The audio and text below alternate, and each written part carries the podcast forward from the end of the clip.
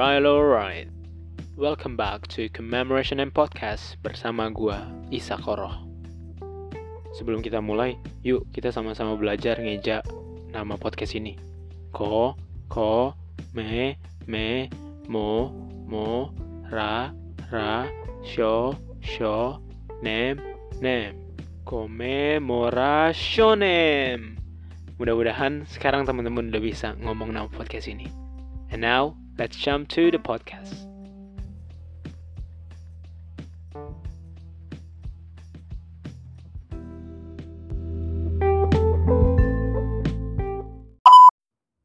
Alright, tanpa basa-basi, langsung aja please welcome Amadeo Devin Udampo. Yeah, thank you, thank you, Zach. Thank you. Um, yeah, it's been it's been a while eh, since been a while, um, yeah. last time we met uh, Hmm. actually. And sebelum kita mulai, kita kan bahas bahasan yang bakal berat banget sih buat teman-teman. Wah, Sebelum sebelum berat banget sih, Nggak nggak berat berat, banget banget sih.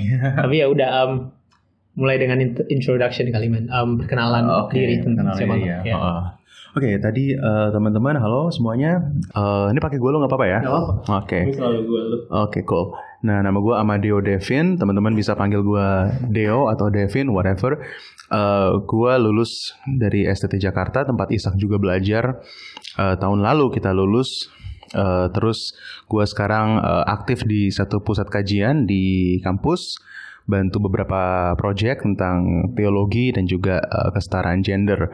Iya. Eh, gue pada hari-hari ini gue juga sering apa namanya, sering eh, terlibat dalam beberapa diskusi, dalam beberapa kegiatan terkait topik tersebut dan juga gue pada saat ini sedang eh, menanti keputusan dari universitas yang akan gue tuju eh, tentang S2 gue gitu. Universitas apa tuh? men? Eh, Kali aja ada bisa doain. amin amin please doain please doain ada tiga sih yang gue apply eh empat gitu yang pertama ada eh, ada Groningen di Belanda Uh-huh. terus juga Leeds eh, Birmingham di Inggris Leeds di Inggris ya. Eh, Leeds Birmingham Edinburgh eh, itu tiga tinggi di, di Inggris Di UK. tiga di UK ya Edinburgh di Scotland terus duanya lagi itu di Inggris Ya, satunya di Belanda di Groningen Europe ya, walaupun udah enggak sih. Udah. ya udah enggak Alright, um, thank you, man. Thanks for coming. Dan ya teman-teman boleh doain juga lah buat Deo karena amin amin he is a brilliant guy and Wow, Um, Isaac is more brilliant. lah more brilliant. What is that mean though? Um, dan ya benar. Dan dari dulu juga gue ngeliat bahwa passionnya memang di hal-hal yang seperti itu, se- yang seberat itu. Dan makanya teman-teman nih siapin otaknya masing-masing, kepalanya, pendengarannya dan hatinya, karena it's gonna be um, Padahal postmodernisme ngeritik dominasi otak loh. makanya it's gonna be um, a bit heavy tapi yang jelas bakal berkatin teman-teman semua Amin. alright kita langsung mulai aja bahasan kita hari ini dek Allah di era postmodernism Ya, benar. ini bahasan yang wes apa namanya penting banget sih apalagi we are now in postmodernism era kita ada di zaman postmodern Hmm. dan which is is going, going to be very apa ya relevant buat kita semua yang dengar how do we um, apa namanya percaya atau memahami Tuhan kita di era seperti ini? Cool. langsung aja men. Sebelum jauh-jauh ke pertanyaan lain gue mau tanya apa sih yang muncul di kepala lu setiap pertama kali lu dengar kata um, sebelum Allah? Itu aja deh. Apa yang muncul di kepala lu saat lu dengar kata postmodern postmodernism? Langsung men. Oke, eh, sebetulnya yang muncul di kepala gua tuh adalah suatu eh, era dalam filsafat yang sebetulnya nggak merujuk pada pembabakan waktu, tapi suatu eh, gerakan atau satu aliran dalam filsafat yang merupakan reaksi teoretis yang kritis terhadap modernisme. Oke. yang adalah eh, era sebelumnya, sebelum postmodernisme. Jadi postmodernisme bisa dikatakan sebagai kritik atas modernisme gitu. Nah, untuk memahami postmodernisme sebetulnya kita perlu eh, paham juga apa itu pra- pramodernisme, modernisme dan juga postmodernisme gitu. Jadi sebetulnya dalam eh, pembabakan waktu filosofis itu kita mengenal ada tiga era ini Iya. gitu. Bukan pembabakan waktu sih, pembabakan aliran Iya. dalam filsafat. Jadi filsafat melihat em, apa namanya dunia pemikiran dalam tiga periode ini. Alright. Yang pertama pramodernisme. Apa itu pramodern? masa pramodern adalah suatu masa di mana uh, dunia kita itu betul-betul didominasi oleh uh, agama. Oke. Okay. Hmm, atau dunia kita adalah dunia dunia yang dihidupi atau dihidupkan penuh dengan imajinasi-imajinasi uh, yang apa ya digerakkan oleh spirit, spirit oleh pemahaman yang apa namanya sang ilah itu ya betul pemahaman yang ilahi pemahaman yeah. bahwa okay. ada dunia spiritual yeah. gitu something beyond, something beyond. bener ada dunia yang transenden yeah. gitu itu masa pramodern hmm. jadi pramodern itu adalah satu masa yang disemangati dengan keyakinan-keyakinan dan kepercayaan itu itu bisa dibilang mistis nggak sih man Hmm, bisa bro, bisa, bisa ya? dibilang ya? mistis, gitu. Bisa dibilang mistis. Walaupun kalau bicara soal mistis atau atau mitologi, ya sebetulnya semua zaman akhirnya ada, ada ya? mitologinya masing-masing gitu. Even now we still have even now. kind of myth. Something. Iya, bener gitu. Bahkan nanti di era modern, ya sesungguhnya agama juga nggak sepenuhnya hilang gitu. Hmm. Gara-gara ada paling nggak secara fungsional agama muncul dalam bentuk ideologi dan lain-lain yeah. gitu. Nah, terus modernisme ya. Yeah, modernisme. Kalau modernisme itu adalah suatu era yang diwarnai atau ditandai dengan uh, kebangkitan rasionalisme. rasionalisme. Oke. Okay. Gitu. Nah kita lihat di era modern itu banyak sekali uh, pemikiran yang muncul dalam dunia filsafat begitu maju, begitu progresif. Uh, ada beberapa tokoh yang sangat-sangat luar biasa pemikirannya. Dan di era ini agama semakin pudar. Pudar, oke. Okay. Gitu. Tapi masih ada tuh ya di zaman modern iya, masih tetap ada. ada tapi masih sedikit ada. pudar aja. Iya, betul. Okay. Banyak sih pudarnya sak. Pudarnya banyak. Pudarnya banyak. So it's ah, so it's gitu. big step. Okay. It's big step. Gitu, pudarnya banyak dan uh, agama diganti oleh sains, agama diganti oleh industri, agama diganti okay. oleh teknologi dan lain sebagainya. Okay. Itu dalam era modern. Hmm. Gitu. Dan era modern itu adalah era yang sangat mementingkan pengetahuan saintifik. Oke, okay. ini modern berarti um, titik baliknya tuh revolusi Prancis bukan sih? That's right, yeah, betul. Revolusi betul. Prancis. Mm -hmm, okay. Betul ya revolusi Prancis itu jadi satu titik balik gitu kan uh, karena orang nggak puas dengan tapi itu revolusi yang ya, sifatnya ideologis. Ideologis. Okay. Gitu. Kalau di Amerika bentuk modernisme muncul dalam industri gitu. Orang okay. bangun infrastruktur dan lain sebagainya, kereta api gitu-gitu. Kalau di Prancis pada waktu itu yang bikin jadi terjadi revolusi Prancis adalah revolusi ideologi. Yeah. Gitu. Orang udah nggak udah jenuh dengan ideologi monarki gitu yeah. kan apalagi monarki absolut waktu yeah. itu dan raja para bangsawan nggak usah bayar pajak hmm. pendeta nggak usah bayar hmm. pajak yeah. cuman petani yang bayar pajak yeah. rakyat dilatih oleh oleh karena itu akhirnya terjadi pemberontakan lalu uh, dominasi gereja diruntuhkan okay. di Prancis waktu itu kayak begitu. Nah, tapi itu uh, modernisme itu di dalamnya ada berbagai proses gitu kan. Okay ada uh, proses yang namanya diferensiasi. Diferensiasi, oke. Okay. Iya, jadi diferensiasi itu adalah uh, pemikiran dari uh, Steve Bruce. Dia mengatakan bahwa uh, kalau dalam era modern hmm. hanya ada satu institusi yang mengontrol semuanya. Hmm. Sekarang terjadi diferensiasi, okay. gitu. Jadi ada kompartmentalisasi, pembagi bagian gitu. Jadi institusi uh, keagamaan yang ngurus cukup keagamaan. Kalau dulu kan institusi agama ngurus politik, politik. ngurus pengetahuan, ilmu pengetahuan dan lain sebagainya. Gitu. Nah, jadi diferensiasi ini adalah ciri utama secara sosiologis masyarakat modern. Oke. Okay. Gitu. Nah, kita langsung lanjut ke posmo ya. Posmo, posmo langsung. Gitu. Nah, posmo, postmodern itu adalah uh, suatu kritik atas modernisme Oke. Okay. Jadi lucu sebenarnya teman-teman kalau kita lihat dunia itu semua balik-balik semuanya. Hmm. Jadi dari A orang pindah ke B, okay. kemudian ada lagi kritik terhadap B yang mengambil serapan dari A dan A dari B. B yes. Gitu kan. apa sintetis. Iya iya ya, iya gitu ya. sintesis lalu dia muncul jadi tesis baru lagi nanti kritik dan ya. gitulah perjalanan sejarah gitu okay. kan. Nah, uh, oh itu modern banget itu. nah, uh, postmodern dia mengkritik modernisme gitu, mengatakan bahwa uh, dunia itu nggak sepenuhnya pengetahuan saintifik. Oke. Okay. Gitu, nggak sepenuhnya empirisme, nggak sepenuhnya rasionalisme. Hmm. Postmodernisme mengakui keberadaan eh, hal-hal uh, yang sifatnya feeling gitu, feeling. emotion, emotion. emotion. That's yeah. important, man. Yeah. berarti maksudnya kalau dulu IQ diutamakan, bener. di sini EQ ya, emotion. Iya, EQ, ya. benar, benar kayak begitu. Man. Nah, jadi kalau dulu eh, filsafat itu menekankan banget yang namanya rasionalitas, em, akal, Ya. sains dan lain sebagainya. Lalu kalau di era modern agama itu kan ditendang gitu. Hmm. Agama itu seolah-olah di, di- dikatakan ah ini nggak rasional Oke. gitu, ini nggak masuk akal Hmm. gitu. Tapi ternyata eh, semangat modernisme itu ya kan juga membawa pada kehancuran. Oke. Contoh contohnya tuh men. Contohnya adalah Nazi misalnya. Nazi, oke.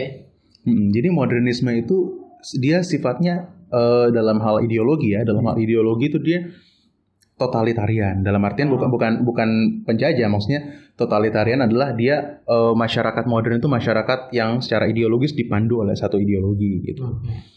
Eh, contohnya fasisme gitu kan. Ideologi-ideologi kayak fasisme, eh, eh, Leninisme dan lain- lain-lain itu kan produk modern semuanya. Komunisme, Komunisme. sosialisme Iya, itu iya. produk modern.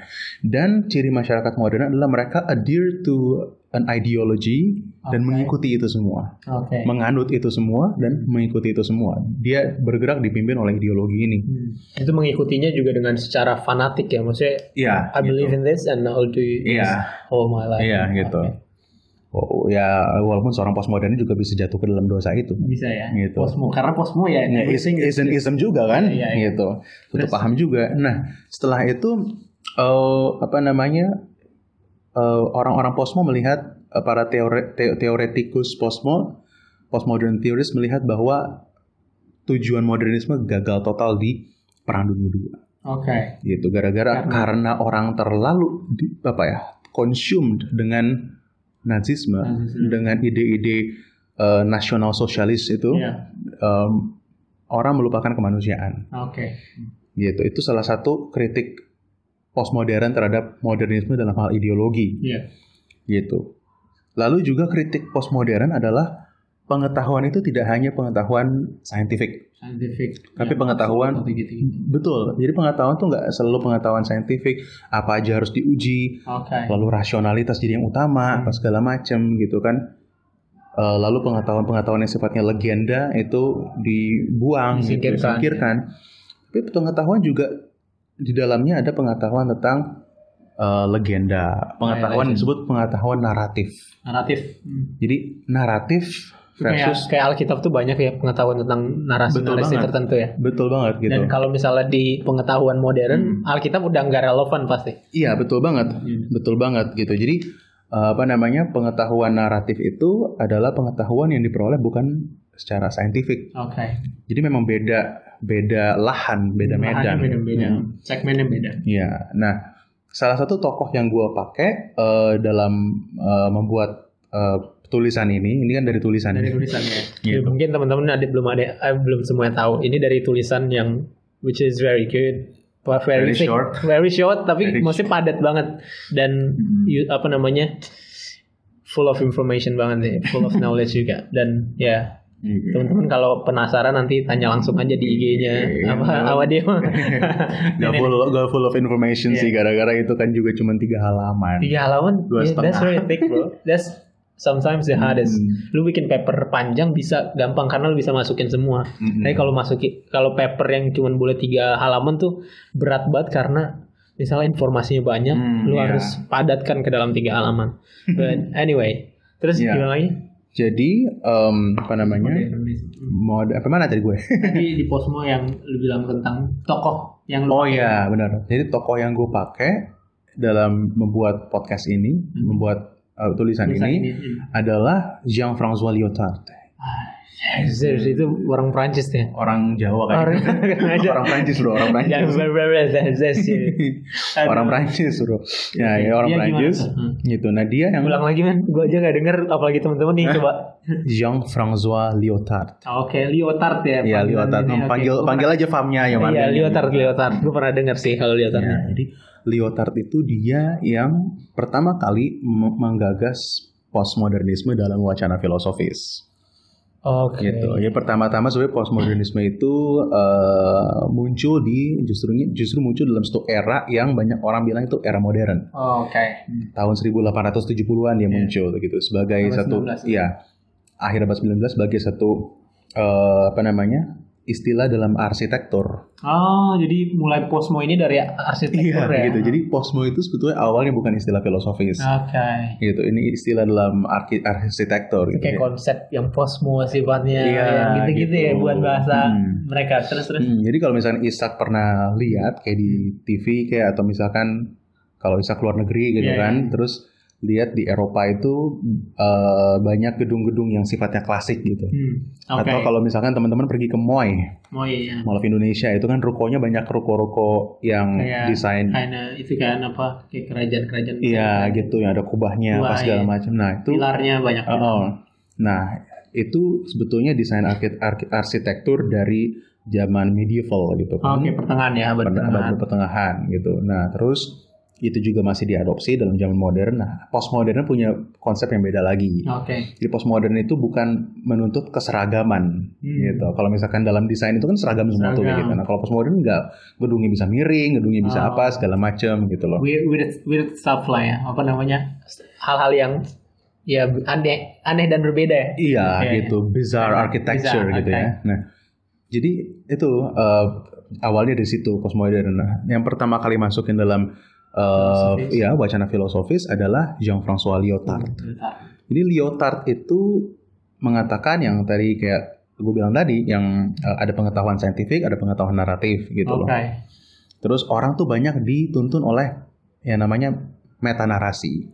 Meta narasi. Mm-mm, ideologi Oke. gitu, narasi-narasi besar gitu Oke. kan, totalitarian gitu, Hmm. dia menuntun orang-orang. Nah, tapi kalau misalkan postmodernisme diwarnai dengan mikronarasi. Mikronarasi. Jadi mikronarasi itu, nah narasi-narasi kecil narasi gitu. kecil yang potongan-potongan yang Benar, jadi benar keutuhan banget. besar Iya. yang isinya tuh beragam banget ya, nggak cuma Exactly, satu. Ya. itu adalah kata kunci dari postmodernisme, Oke. keragaman. Keragaman. Itu kata kunci dari postmodern. And then Nah, itu kata kunci dari postmodern. Kata kunci adalah keragaman. Keragaman itu adalah suatu uh, uh, uh, warna utama dalam postmodern. Jadi kalau modernisme itu dia bahas keseragaman, alright. gitu kan? Keseragaman maksudnya apa? Keseragaman itu maksudnya eh, apa namanya? Orang tuh harus ikut sama satu pemikiran tertentu saja. Orang ikut sama satu satu apa namanya? Satu gaya berpikir yang sama. Orang ikut pada satu ideologi yang sama. Tapi kalau misalnya ke apa postmodernisme, dia mengikuti apa namanya? ada- orang dibiarkan untuk punya eh, cara pandang masing-masing.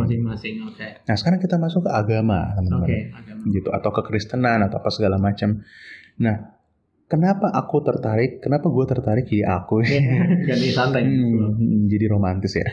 kenapa kenapa gue tertarik untuk eh, nah romantisisme itu adalah satu bentuk reaksi kritis juga terhadap modernisme. Iya. romantis. Jadi sebetulnya dari Oke. iya dari era modern udah ada gerakan-gerakan kayak posmo, Hmm. romantisisme, Romantisisme. gitu kan ada di situ ada Friedrich Schleiermacher misalnya Ah, di situ itu mengkritik banget apa Modernisme. namanya rasionalisme gitu kan yang kaku begitu. Nah, em, jadi agama dan postmodernisme. Kenapa gue bikin eh, tulisan kayak begini? Kenapa gue mikir begini? Alasannya sebenarnya simpel. Gue tuh sering kali dengar orang ketika bicara soal postmodernisme pasti lihatnya se- secara ne- negatif Oke. gitu. Eh, Oke, ya. mm-mm. I heard about that. Sometimes bahkan posmo sering kali dibilang sebagai apa namanya kayak hambatan, hambatan. hambatan bagi kekristenan. Um, sometimes. Terus terus deh. Exactly, betul. Hambatan bagi kekristenan, hambatan bagi agama gitu. Agama. Justru sebetulnya gue dengar kata posmo pertama kali eh, secara negatif, Ah, me too. ya kan Iya, gitu. Jadi ada satu seminar gitu kan bagaimana apa namanya berapologet dalam dunia posmo, Dunia posmo. atau bagaimana apa namanya kita eh, ya intinya jelek-jelek lah posmo Iya, itu. Gitu. Mungkin gara-gara orang tuh sering padankan kayak relativisme dengan posmo. Posmo. Lalu orang juga sering padankan eh, subjektivisme dengan Hmm. posmo dan lain sebagainya. Tapi emang salah tuh kalau misalnya orang mikir kayak gitu. Bukannya ada juga tuh apa namanya unsur-unsur relativitas karena kan keberagaman dibuka. Hmm. Berarti oh ya udah nggak apa-apa dibuka. Saat kita dibuka terhadap keberagaman Hmm. berarti ada subjektivitas dan relativitas juga yang di mau nggak mau harus kita embrace atau harus kita terima. Bener gak tuh? Atau emang Hmm. lu punya pendapat lain tuh tentang itu? Apa namanya subjektivitas memang harus diterima. Harus diterima, Harus ya. diterima dalam tahap tertentu. Dalam artian begini, eh, apa namanya kita tentunya tidak uh, mau untuk di apa ya untuk melakukan sesuatu yang uh, sesungguhnya bukan menjadi ciri utama dari pada postmodernisme itu sendiri atau bukan menjadi tujuan dari postmodernisme gitu. Oke. Okay. Jadi uh, sesungguhnya kalau kita bicara soal dampak negatif, hmm. semua paham juga memiliki dampak yang negatif atau dampak yeah. yang buruk gitu. Okay. Apalagi modernisme dia misalkan modernisme ya dampak buruknya bagi agama sangat-sangat jelas terlihat. Hmm. Itu agama udah nggak punya tempat yang sentral lagi gitu kan. Nah kalau di postmodernisme ya me memang dia tidak seperti masa-masa medieval atau masa-masa abad pertengahan ya di mana uh, agama jadi sentral. sentral tapi orang memang diberikan kebebasan untuk memilih hmm. dan justru dalam atmosfer yang seperti ini agama bisa mendapatkan tempat tempat okay. gara-gara ada pengetahuan naratif yang juga diakui okay. gitu nggak cuma pengetahuan saintifik hmm. gitu nah memang agama atau teologi atau gereja memang bisa diguncang juga dengan postmodernisme. Hmm. Gitu. Dalam artian uh, ya doktrin-doktrin gereja bisa dipertanyakan. Dipertanyakan ya. Uh, walaupun mau nggak mau walaupun sesungguhnya gereja tidak perlu terlalu khawatir karena gereja survive. Oke. Okay. Gereja survive dalam era modern. Hmm yang ya, yang bahkan menolak agama ya, ya. yang menempatkan agama di luar betul kategori-kategori um, yang ada hmm, dalam kehidupan iya. apalagi di posmo seharusnya ya karena Posmo memberikan ruang betul ya secara hmm. terbuka gitu gitu nah implikasinya sendiri buat gue dan uh, apa namanya kira dan dan mungkin juga bisa buat teman-teman juga buat kita semua adalah uh, postmodern itu memberikan suatu ruang gerak okay. bagi kita untuk menikmati Allah dengan cara-cara yang berbeda, cara-cara yang baru hmm. dalam agama modern atau hmm. agama-agama yang yang apa imbued with modernism okay. yang yang yang dipengaruhi oleh modernisme hmm. uh, seperti uh, apa namanya doktrin-doktrin apa segala macam itu kan menjadi satu hal yang sentral dalam agama. Yeah. Kenapa? Gara-gara corak agama, sorry corak zaman adalah rasionalistik. Okay. Gitu sehingga agama pun juga harus tampil dalam format yang rasional. Hmm gitu. Bahkan ini sampai ke tahun 90 eh, 1940-an 1960-an gitu kan. Rudolf Bultmann juga mengatakan demitologisasi. Demitologisasi. Gitu. Menariknya Peter Berger sebelum dia meninggal dia tulis artikel dia bilang um, kalau Bultmann masih hidup sekarang dia nggak akan bikin demitologisasi.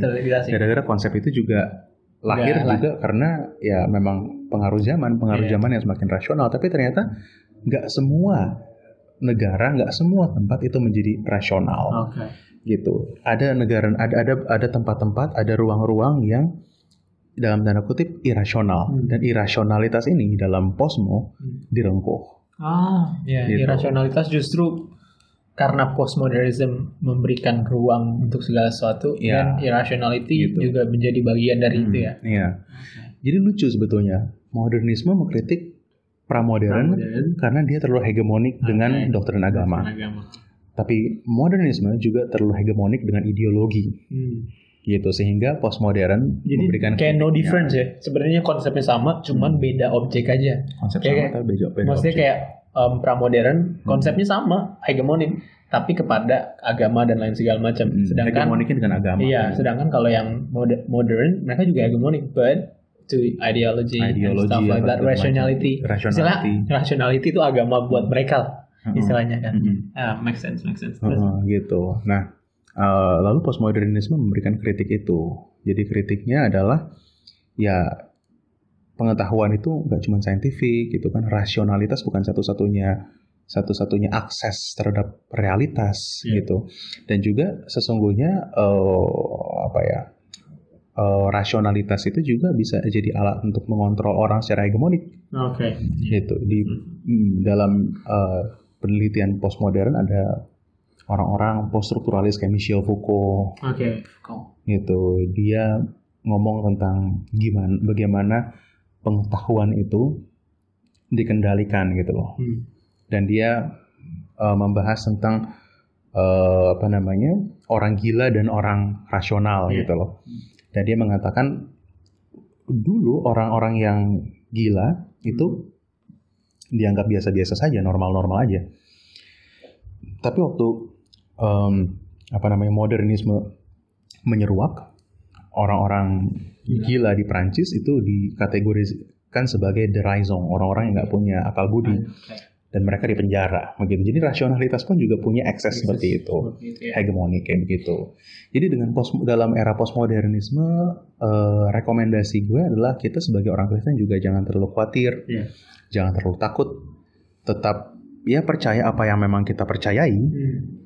eh, yakini apa yang kita yakini dan terbukalah pada cara-cara baru untuk menikmati Allah. Sesungguhnya eh, postmodern ini memberikan kita satu ruang untuk eh, apa ya, untuk bisa menemukan Allah dengan cara yang baru. Sesungguhnya suatu spiritualitas postmodern malah bisa berkembang Berkembang ya. gitu. Oke, gue bakal tutup dengan satu pertanyaan. Yang jelas, pertanyaan ini em, sebenarnya sesuai dengan judul lu. Tadi lu udah jelasin dikit sih tentang Allah di era postmodernisme. Jadi kalau misalnya gue tanya, oh kasih dong kira-kira berapa paragraf atau berapa kalimat terkait Allah di era postmodernisme dan bersama dengan itu gue mau dong minta example atau contoh tentang how do you um, understand atau memahami Allah itu berdasarkan pemahaman lu tentang postmodernisme. Jadi kayak lu bilang kan semua orang akhirnya punya ruang untuk memahami secara berbeda. Hmm. Nah kali ini gue mau tahu gimana lu memahami secara pribadi tentang Allah itu. Tapi dari Allah di postmodernisme, Hmm. jelasin singkat. Ya. Jadi sebetulnya kalau dalam tulisan gue yang gue bikin itu, gue bahas satu orang tokoh lagi secara Oke. singkat, namanya John Cusanus. Kusanus. Gitu. Nah dia punya satu frase yang terkenal Hmm. yang disebut didocta ignorantia Oke. atau trained apa itu ignorance. To ignore. Uh, To trained enggak trained ignorance. Jadi Oh, trained ketidak, ignorance. ketidaktahuan yang terlatih Oke. gitu. Jadi apa namanya bukan tidak tahu sama sekali nggak tahu atau nggak peduli, tapi ketidaktahuan yang datang dari kerendah hatian, kerendahan kerendah Hatian. hatian bener ya, Ada hatian. gitu. Nah eh, akhirnya eh, Allah itu adalah satu sosok yang melampaui pemahaman kita. Oke. Allah itu adalah satu sosok yang tidak bisa didefinisikan, dikategorikan oleh eh, apa namanya cara pikir kita, cara pandang kita, teman-teman. Jadi eh, bentuk Allah dalam era postmodern adalah Allah yang eh, tidak bisa kita pahami seutuhnya. Oke. Ini berbeda dengan bentuk Allah ya kan yang dibakukan dalam format-format doktrinal Doktrinal ya. gitu. Bagi gue secara pribadi, Allah itu adalah Allah yang gue jumpai dalam misalnya pujian penyembahan. Oke. Allah yang gue jumpai dalam pujian penyembahan yang sifatnya apa ya? ekstatik dan juga ekstatik itu apa ya? Pokoknya sifatnya kayak kayak kayak betul-betul eh, berbeda dari mungkin orang-orang yang eh, berpegang pada doktrin-doktrin tertentu memahami Oke. Allah Oke. gitu. Ini mungkin bias gitu ya kayak gue kan Pentakosta gitu ya. Gue Pentakosta gue gue ini ini salah satu bentuk akomodasi postmodern Hmm. gitu. Gue sebagai orang Pentakosta gue bisa menikmati Allah dengan cara gue. Yeah, Dengan- space for that. Exactly. gue punya cara untuk menikmati Allah yang mungkin berbeda dari teman-teman Lutheran, dari Yeah. teman-teman Calvinis, dari teman-teman uh, Mennonite dan lain sebagainya gitu kan. Gue misalnya menemui Allah dalam pujian penyembahan gue gitu yang ya khas Pentakosta gitu ya. Tepuk tangan, angkat tangan, apa segala macam gitu. Gue ketemu uh, Tuhan atau merasakan kehadiran Tuhan dalam komsel-komsel apa segala macam dengan cara-cara yang berbeda. Hmm. Nah kalau misalnya eh, nggak ada era postmodern, Hmm. Probably you already on, in the jail, bro. iya gitu. Kita ingat tahun 50-an sampai tahun 70-an, awal 70-an bahkan di Indonesia Pentakosta masih dianggap bidat that, yeah. gitu. Oleh eh, katakanlah Probably until now, bro. Some churches still look for us like that. exactly ya. Tapi gereja-gereja itu ya si- apa minor- minority gitu loh. Yeah, yeah. minority gitu. M- Mungkin mereka punya semacam kayak dislike terhadap Pentakon Pentakosta. Heeh, tapi mereka nggak pernah they never say it out loud gitu kan Yeah. mereka nggak pernah ngomong itu kencang-kencang mereka nggak pernah utarakan ya cuman beberapa Just, orang yeah, di belakangan jadi deh. Ya ada ada sih yang belak-belakan gitu di Facebook nulis ya tapi cuma beberapa orang gitu kan Yeah. ada gitu ya tapi ya apa namanya tanpa postmodernisme kita nggak bisa mengekspresikan iman kita. Ya. Jadi sesungguhnya hal-hal yang selama ini dikekang oleh modernisme Modernism. eh, bisa diekspresikan dalam semangat postmodern Ya. gitu sih. Oke. Ya gila, ini menarik sih. I, I didn't thought that it's going to be apa namanya to be brought to this stage karena Hmm. gue pikir lu bakal mengkritik postmodernism or something like that Hmm. atau karena memang the fact is most people kayak apalagi sekarang-sekarang ini because of the lack of their understanding Hmm. karena peng- pengetahuan yang tidak mumpuni bukan nggak mumpuni kayak kurang Hmm. akhirnya postmodernism Hmm. cenderung dilihat seburuk itu makanya oh postmodernism itu postmodernism ternyata sebaik itu juga dan ke- kalau gue tanya sebagai penutup Hmm. jadi menurut lo Hmm. postmodernism itu um, baik atau tidak untuk kekristenan itu aja Hmm, interesting question. Postmodernisme itu baik atau tidak untuk kekristenan? Perlu kita ketahui juga teman-teman, postmodernisme atau modernisme atau pramodern itu benda mati. Iya Ketika kita bertanya atau ketika kita menganggap eh, ini baik atau buruk, sesungguhnya dari kita betul gitu. Karena baik atau buruk hanya bisa dilekatkan pada subjek subjek yang hidup subjek yang hidup, ya kan, subjek moral. moralnya Gitu. Paham itu bukan subjek moral. hmm. Sehingga baik atau buruk itu tergantung ada di tangan siapa. ya Ya ini mungkin memang eh, jawaban yang mendasar banget, tapi ya memang begitu adanya. That's great. Gitu. Modernisme pada waktu dia muncul, dia betul-betul muncul sebagai paham yang menyelamatkan, oke paham yang membebaskan orang dari kungkungan eh, apa namanya Yang- agamawi yang keliru, agamawi yang salah, kungkungan agamawi yang digunakan untuk memperkaya diri, Iya. untuk menarik pajak yang berlebihan dan lain sebagainya. Gitu. Cuman ketika modernisme itu dijadikan juga alat Hmm. eh, untuk melakukan bentuk hegemoni yang sama, Hmm. ya modernisme pun juga punya ekses akhirnya. gitu.